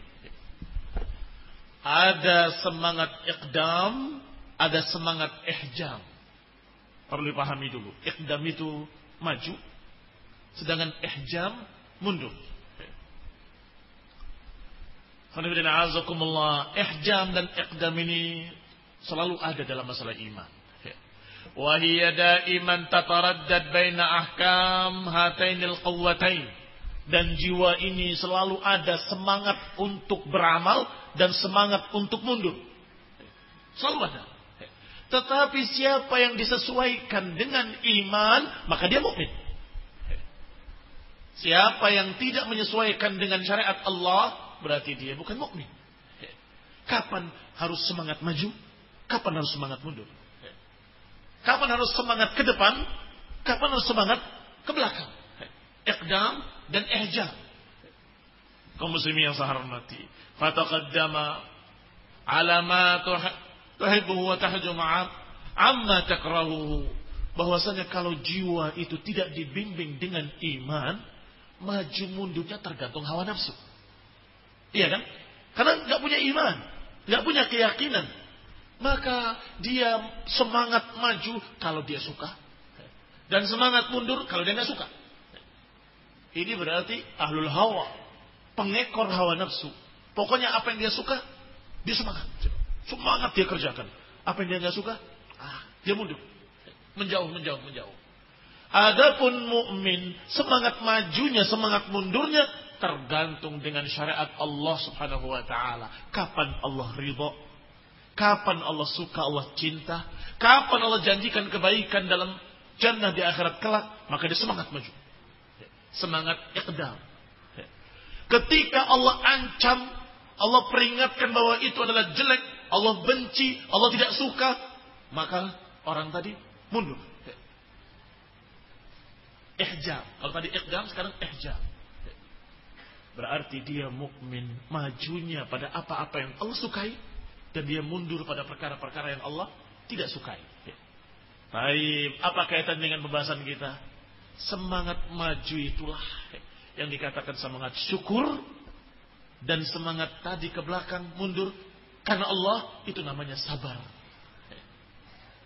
Maju, ini sukai Allah, kita kerjakan. Bersyukur pada Allah Taala dengan apa yang Allah janjikan, dia semangat. Ketika apa yang Allah benci, dia mundur. Ini sabar. Ada nafsu pengen kerjakan. Ada hawa, ada dorongan-dorongan kesukaan. Tapi karena Allah menyatakan haram, maka dia berhenti. Dia nggak maju, dia mundur. Itu haram. Ini namanya sabar. Maka ikhwan azakumullah kata Ibnu Qayyim rahimahullah, iqdam ala ta'ah wa ihjam an ma'asillah. Semangat maju dalam ketaatan pada Allah dan semangat mundur dalam kemaksiatan-kemaksiatan kepada Allah. Wa kullun minhuma la yumkin husuluhu illa bisabr syukur. Semua itu nggak akan bisa dihasilkan kecuali dengan sabar dan syukur. dengan semangat syukur dia semangat untuk maju mengerjakan semua yang diridhoi oleh Allah, semua yang dicintai oleh Allah. Dan semangat sabar dalam keadaan apa pun, dalam godaan apa pun, dia bisa meninggalkan yang haram-haram, bisa meninggalkan yang maksiat, bisa mendengarkan yang dibenci, bisa meninggalkan yang dibenci oleh Allah Subhanahu wa taala. Mirip dengan itu yang kelima, yaitu pembahasan bahwa agama ini berkait dengan ragbah dan rahbah. Ragbah itu semangat. Rahbah itu takut. Pakai lain, ragbah itu berharap. Semangat, berharap. Sedangkan rahbah itu takut. Fal mu'min huwa raghib war rahib. Maka yang namanya mukmin adalah orang yang memiliki rasa harap dan memiliki rasa takut sekaligus. Rasa harap dan rasa harap kepada Allah dan takut kepada Allah Subhanahu wa taala. Sebagaimana Allah Subhanahu wa taala menyebutkan dalam Al-Qur'an, "Innahum kanu yusari'una fil khairati wa yad'unana raghaban wa rahaba." Sesungguhnya mereka yusari'una fil khairat. Mereka berlomba-lomba dengan kebaikan Wayad'unana dan mereka menyeru kami kata Allah raghbah wa rahabah dengan rasa harap dan rasa takut. Dengan rasa harap dan rasa takut. Wa fi du'a 'inda an-nawm alladhi rawahu al-Bukhari fi sahihi. Demikian pula dalam doa ketika kita berbaring diajarkan doa. Allahumma inni aslamtu nafsi ilaik. Wa wajjahtu wajhi ilaik وفوضت أمري إليك وألجأت ظهري إليك رغبة ورهبة إليك رغبة ورهبة إليك di antara zikir yang diajarkan ketika berbaring adalah mengucapkan ya Allah aku serahkan diriku kepadamu. Aku hadapkan wajahku kepadamu. Dan aku serahkan urusanku kepadamu. Dan aku sandarkan punggungku kepadamu. Raghbatan warahbatan ilaihi karena rasa harap dan rasa takut kepadamu.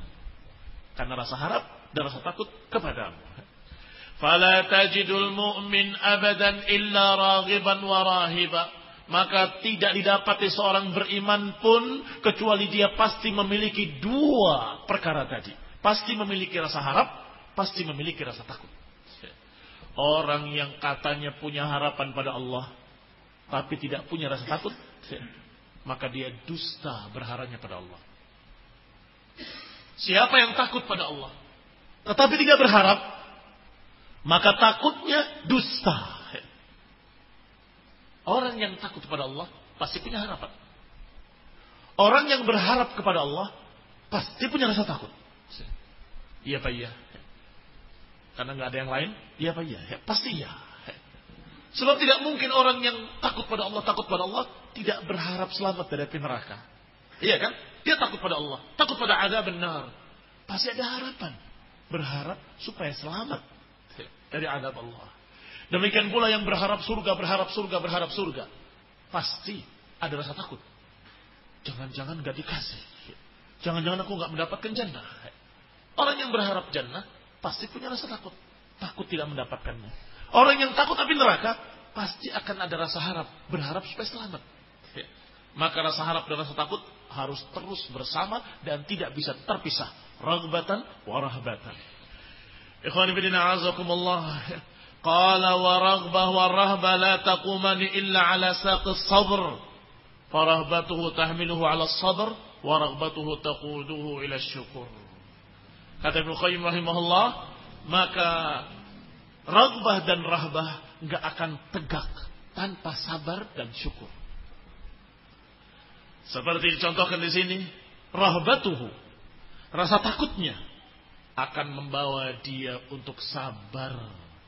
Rasa takutnya akan membawa dia untuk sabar. Ketika dia melihat betapa menggiurkannya perkara haram. Betapa menggiurkannya perkara-perkara yang diharamkan oleh Allah ketika dia ingin adalah takut. Nanti Allah marah. Allah murka. Aku diadab oleh Allah taala. Maka dia bisa sabar. tidak mengerjakannya. Jadi sabar. Berarti sabarnya bisa membawa dia, atau rasa takutnya membawa dia untuk bisa sabar. Karena rasa takut tadi. Sebaliknya, rogbah, rasa harap. Berharap atau membawa dia untuk syukur. Aku ingin mendapatkan pahala yang besar dari Allah Ta'ala. Aku ingin mendapatkan keriduan Allah. Ini rasa. Aku ingin Allah cinta kepadaku. Aku ingin Allah Subhanahu wa taala ridha kepadaku. Maka dia mengerjakan amalan-amalan saleh. Ternyata dimudahkan oleh Allah. Alhamdulillah, semakin semangat dia. Allah arhamur rahimin. Ternyata Allah memudahkan aku untuk mengamalkan amal saleh ini. Semakin syukur dia, semakin mengamalkan, semakin mengamalkan, semakin syukur, semakin mengamalkan. Karena ada rasa harap, maka dia bersyukur pada Allah Subhanahu wa taala. Rasa takut membawa dia untuk sabar, rasa harap membawa dia untuk syukur pada Allah Subhanahu wa taala, untuk bisa beribadah sebagai syukur, untuk bisa salat, puasa, sedekah, beramal saleh karena syukur pada Allah Subhanahu wa taala, karena harapannya kepada Allah sangat besar. maka dua perkara ini adalah perkara yang harus ada pada setiap mukmin. Sabar dan syukur. Nasallahu taufiq wal afiyah. Wa nasallahu hidayah wa rahmah. Subhanaka wa bihamdika asyhadu an la ilaha illa anta astaghfiruka wa atubu ilaik. Wassalamualaikum warahmatullahi wabarakatuh. Kalau pertanyaan silakan.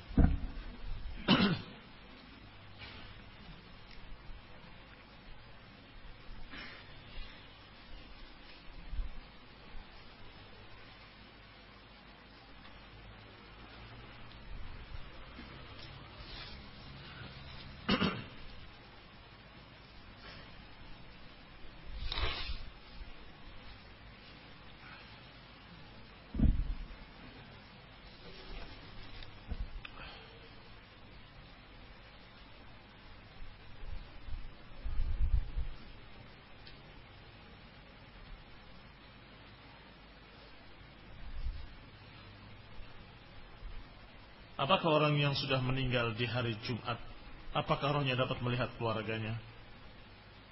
Meninggal hari Jumat, memang diriwayatkan dalam riwayat yang sahih bahwa itu tanda-tanda husnul khatimah. Memang tanda-tanda husnul khatimah bukan hanya meninggal hari Jumat. Kalau dia munafik meninggal hari Jumat, maka tetap bukan husnul khatimah. Tetapi itu salah satu dari tanda-tanda husnul khatimah. Kalau sudah ada tanda-tanda lainnya bahwa dia orang baik, saleh, mukmin, masya Allah, Kemudian hari Jumat dia meninggalnya, mudah-mudahan itu tanda-tanda husnul khatimah. Adapun berita bisa melihat keluarganya, saya tidak pernah mendengar. Saya tidak pernah tahu riwayat yang memberitakan seperti itu. Wallahu taala a'lam. Apakah betul seorang yang meninggal di hari Jumat dijamin dengan surga? Kalimatnya bukan seperti itu. Hadisnya hanya menyatakan bahwa itu adalah tanda husnul khatimah, mati yang baik. Tentunya mati yang baik insya Allah akan mendapatkan ampunan dari Allah Subhanahu wa taala. Dan itu hanya tanda-tanda. Adapun kepastian masih ada tanda-tanda yang lain yang harus kita ketahui.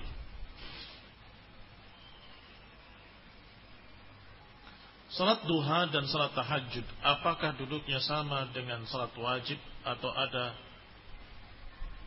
dikirnya sama dengan salat wajib atau ada dikir yang khusus? Setahu saya Allah alam bahwa salat duha dengan salat tahajud sama. Dikir-dikirnya dengan salat wajib juga sama.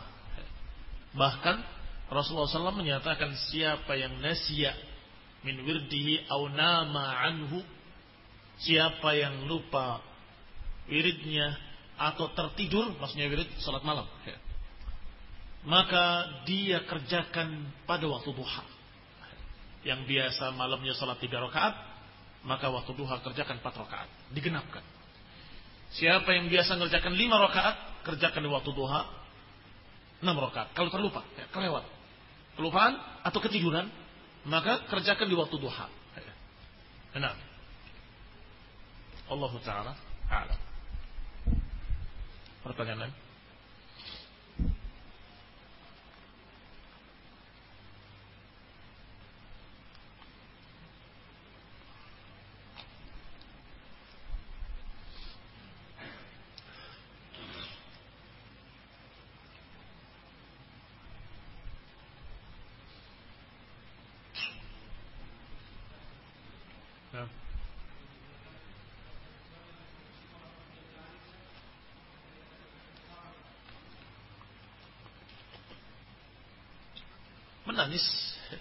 Ketika musibah wajar.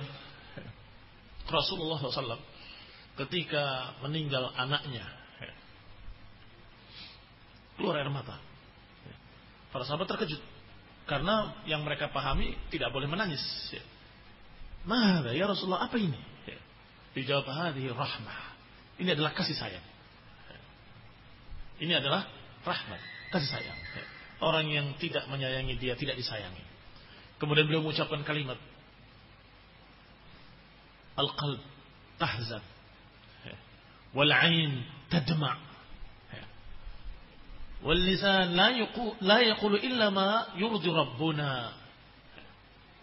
Atau kama qala sallallahu alaihi wa ala alihi wasallam. Yang maknanya hati bisa sedih. Mata bisa mencucurkan air mata. Tetapi mulut tidak mengeluarkan kalimat kecuali apa yang diridhoi oleh Rabb kami.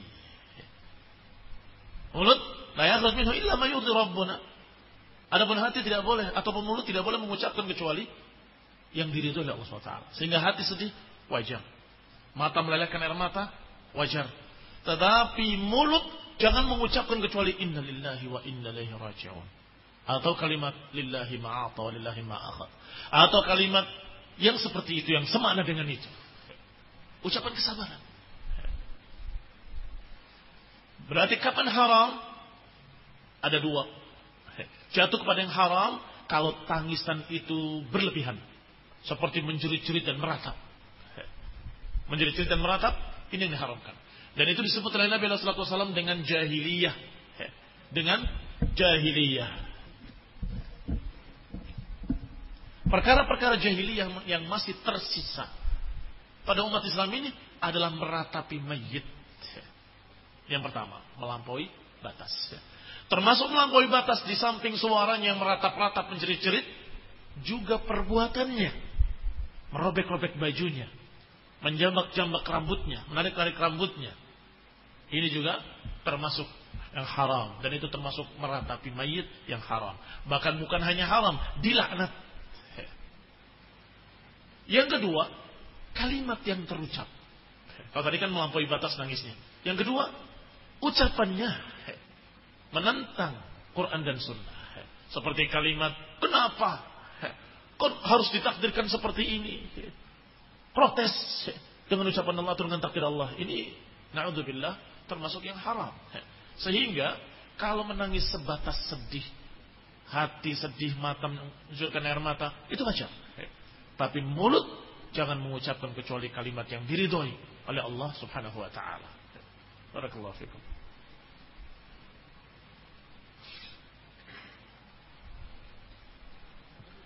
Ketika seorang sahabat wafat, ada anaknya yang meninggal, apa anak yang menangis. Rasulullah menyatakan, tabkin atau la tabkin. Kalian menangis atau tidak menangis? Allah Subhanahu wa taala mengangkatnya. Malaikat-malaikat mengangkatnya dan menerbangkannya ke dalam jannah. Disebutkan dalam riwayat itu oleh Ibnu Qayyim rahimahullah bahwa menunjukkan kalau menangisnya tidak ditegur oleh Nabi. Cuma dikatakan karena menangis atau tidak menangis tetap dia akan mendapatkan keutamaan dalam jannah. Nah. Jadi yang tidak boleh adalah meratapi mayit dan mengucapkan kalimat-kalimat yang dosa, kalimat-kalimat kufur, kalimat-kalimat jelek.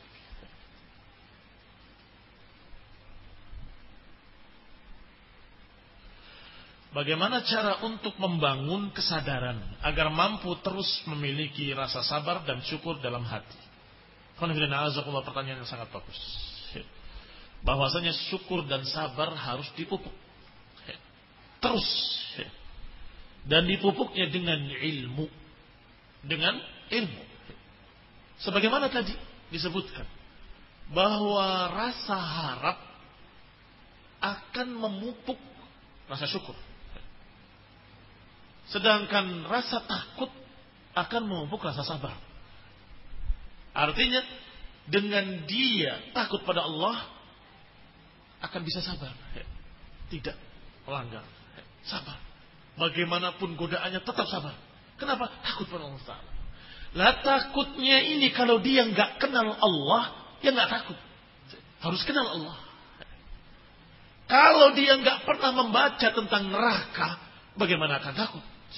Kalau dia nggak pernah mendengar tentang ancaman-ancaman Allah dalam Quran ataupun yang diberitakan oleh Nabi dalam hadis-hadis yang sahih, bagaimana akan memiliki rasa takut yang tinggi?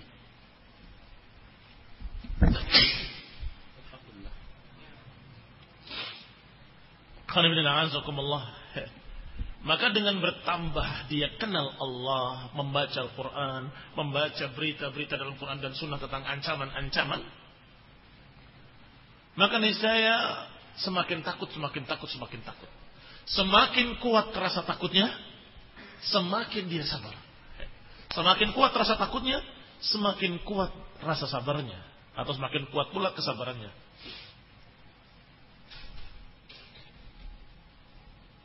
Yang kedua, pada syukur juga demikian. Dia pelajari ayat dan hadis, berita-berita tentang Allah dan Rasulnya Semakin dia tahu bagaimana kasih sayangnya Allah, semakin semangat dia berharap pada Allah. Semakin berharap dia pada Allah Ta'ala. Maka ya azakumullah, syukur dan sabar akan terus terpupuk kalau kita belajar mengkaji ayat demi ayat dan mengkaji hadis demi hadis. Ya. Dalilnya sudah sebutkan tadi. Waj'alna minhum a'immatan yahduna bi amrina lamma sabaru wa kanu bi ayatina yuqinun. Mereka dijadikan oleh Allah sebagai pemimpin-pemimpin yang membimbing umat ketika mereka sabar dan ketika mereka dengan ayat-ayat kami mereka yakin. Karena dengan ayat-ayat kami, ayat-ayat Allah, maka akan menambah rasa syukur, akan menambah rasa sabar. Barakallahu fikum.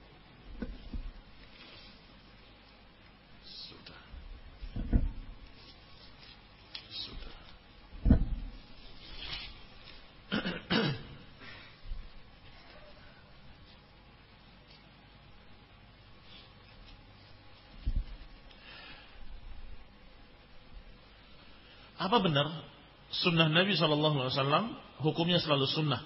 Karena sering anda dengar apabila ada orang yang nasihati ada hadis yang melarang suatu maka jawabannya itu kan sunnah, hukumnya sunnah. Dikerjakan dapat pahala, ditinggalkan juga nggak apa-apa. Insya Allah kita akan bahas besok masalah ini. Tapi ringkasnya bahwa yang namanya sunnah Nabi itu ada dua makna. Bisa bermakna hukum bisa bermakna ajaran. Kalau bermakna hukum, hukumnya sunnah. Artinya dikerjakan dapat pahala, ditinggalkan nggak apa-apa. Tetapi lebih sering kalimat sunnah dipakai bukan masalah hukum. Kalimat sunnah sering dipakai dalam Quran dan sunnah atau dalam hadis-hadis sering dimaksud adalah ajaran Nabi.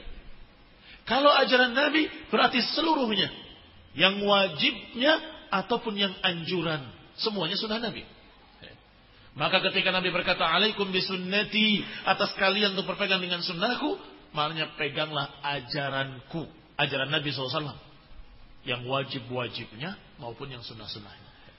Sehingga jangan heran, kalau ada buku, buku kecil tulisannya Syekh bin Baz, rahimahullah, judulnya Wujub Amal Bisunnah. Wajibnya mengamalkan sunnah. Gimana itu? Wajibnya mengamalkan yang tidak wajib. Hah? Kalau terjemahkan yang tidak wajib akan bingung. Tetapi kalau diterjemahkan wajibnya mengamalkan ajaran Nabi. Itu baru benar. Ya. Wajibnya mengamalkan sunnah, yakni mengamalkan ajaran Rasulullah SAW. Kita terima seluruhnya. Yang wajib kita terima sebagai wajib, yang anjuran kita terima sebagai anjuran. Ya. Itu namanya wajib menerima sunnah atau wajib berpegang dengan sunnah. Kita akan bahas insya Allah pada sesennya insya Allah Ta'ala.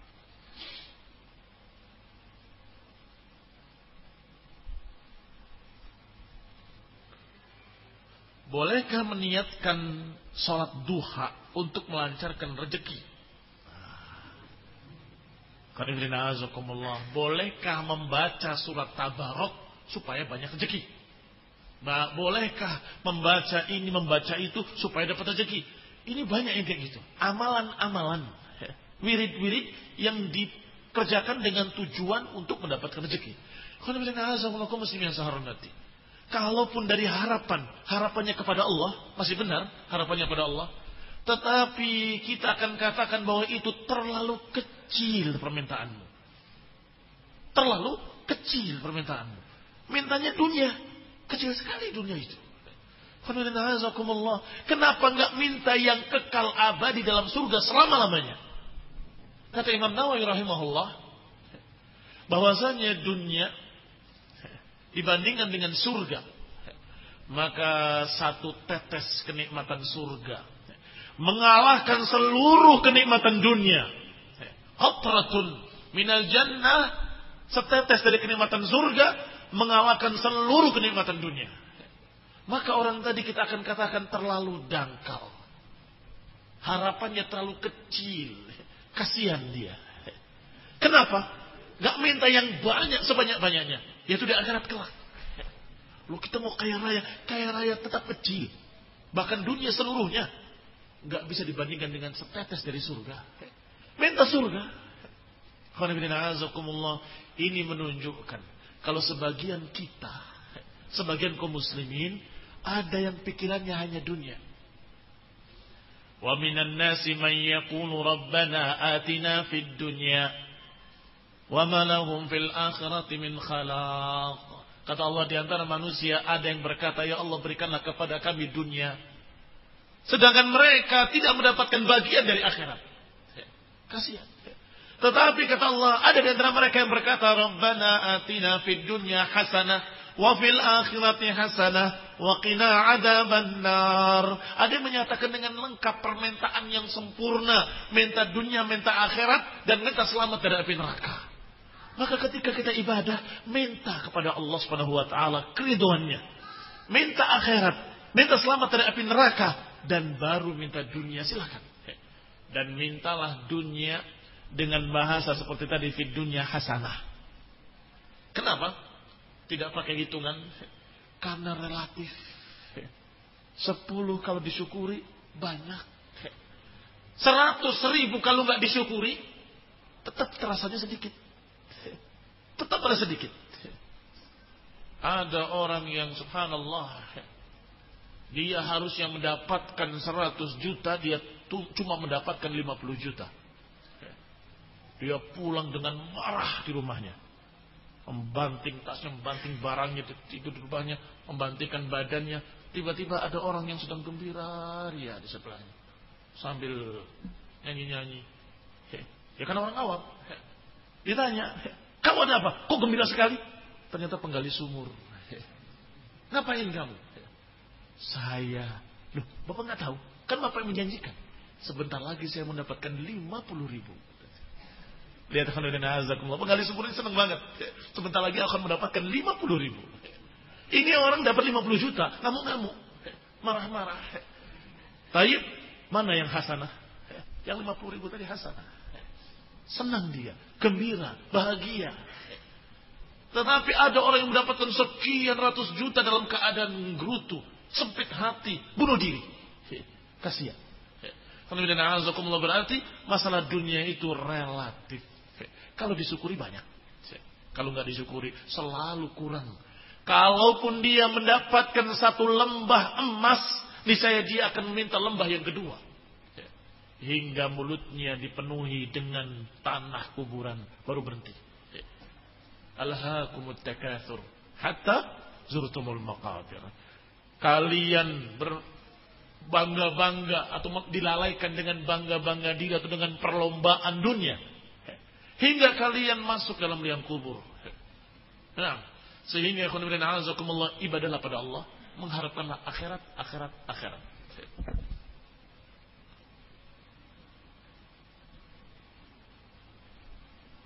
Bagaimana caranya bersabar dalam menghadapi orang yang munafik?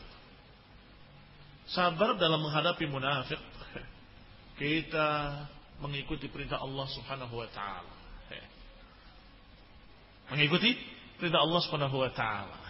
Jahidil kuffar wal munafiqina waghlub alaihim. Lawanlah mereka kufar dan munafikin dan bersikap tegaslah pada mereka. Nggak bisa main-main. Kenapa? Kalau kita bicara akan ditafsirkan ke sana atau tafsirkan kembali. Maka harus kita ucapkan dengan kalimat yang jelas, tegas. Nggak bisa main-main dengan mereka. Nah,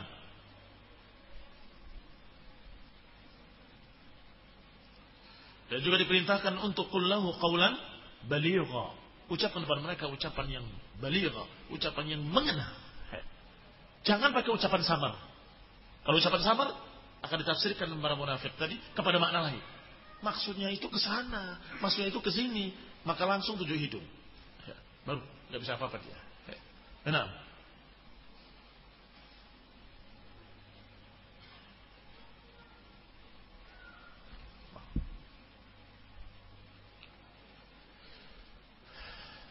Apakah sholatnya pelaku maksiat diterima oleh Allah Subhanahu wa taala? Insyaallah ya, diterima. Itu akidah Ahlussunnah wal Jamaah. Kebaikan-kebaikannya diterima, dosa-dosanya terancam, nanti ditimbang oleh Allah Subhanahu wa taala. Kalau banyak kebaikannya mudah-mudahan dosa-dosanya akan terampuni. Nah, tidak seperti Khawarij yang menyatakan siapa yang berdosa maka semua amalannya gugur gak diterima. Alias kafir. Itu kaum Khawarij yang sesat. Benarkah kesabaran itu ada batasnya? Batasnya adalah hatta ya'tiyakal yakin. Sampai datangnya kematian. Itu batasnya. Tentunya yang namanya sabar itu terus.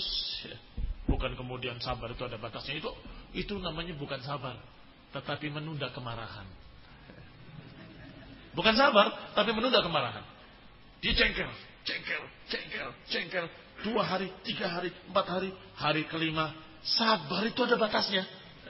Mulai marah-marah dia. Itu artinya menunda kemarahan. Bukan sabar.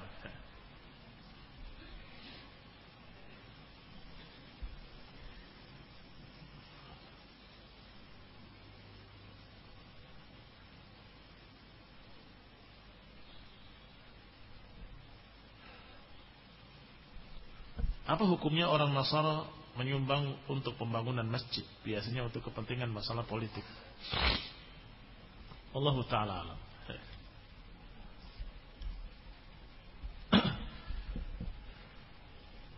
Saya tidak tahu. Adapun pernah terjadi adalah Rasulullah SAW meminjam, meminta bantuan beberapa senjata-senjata dan peralatan-peralatan perang kepada orang-orang kafir ya, untuk berperang fisabilillah. Ya. Tapi apakah itu bisa dipakai pada masalah masjid Allah taala ya. Baik, ila huna naktafi barakallahu fikum wa jazakumullahu khairan والعفو منكم سبحانك اللهم وبحمدك اشهد ان لا اله الا انت استغفرك واتوب اليك والسلام عليكم ورحمة الله وبركاته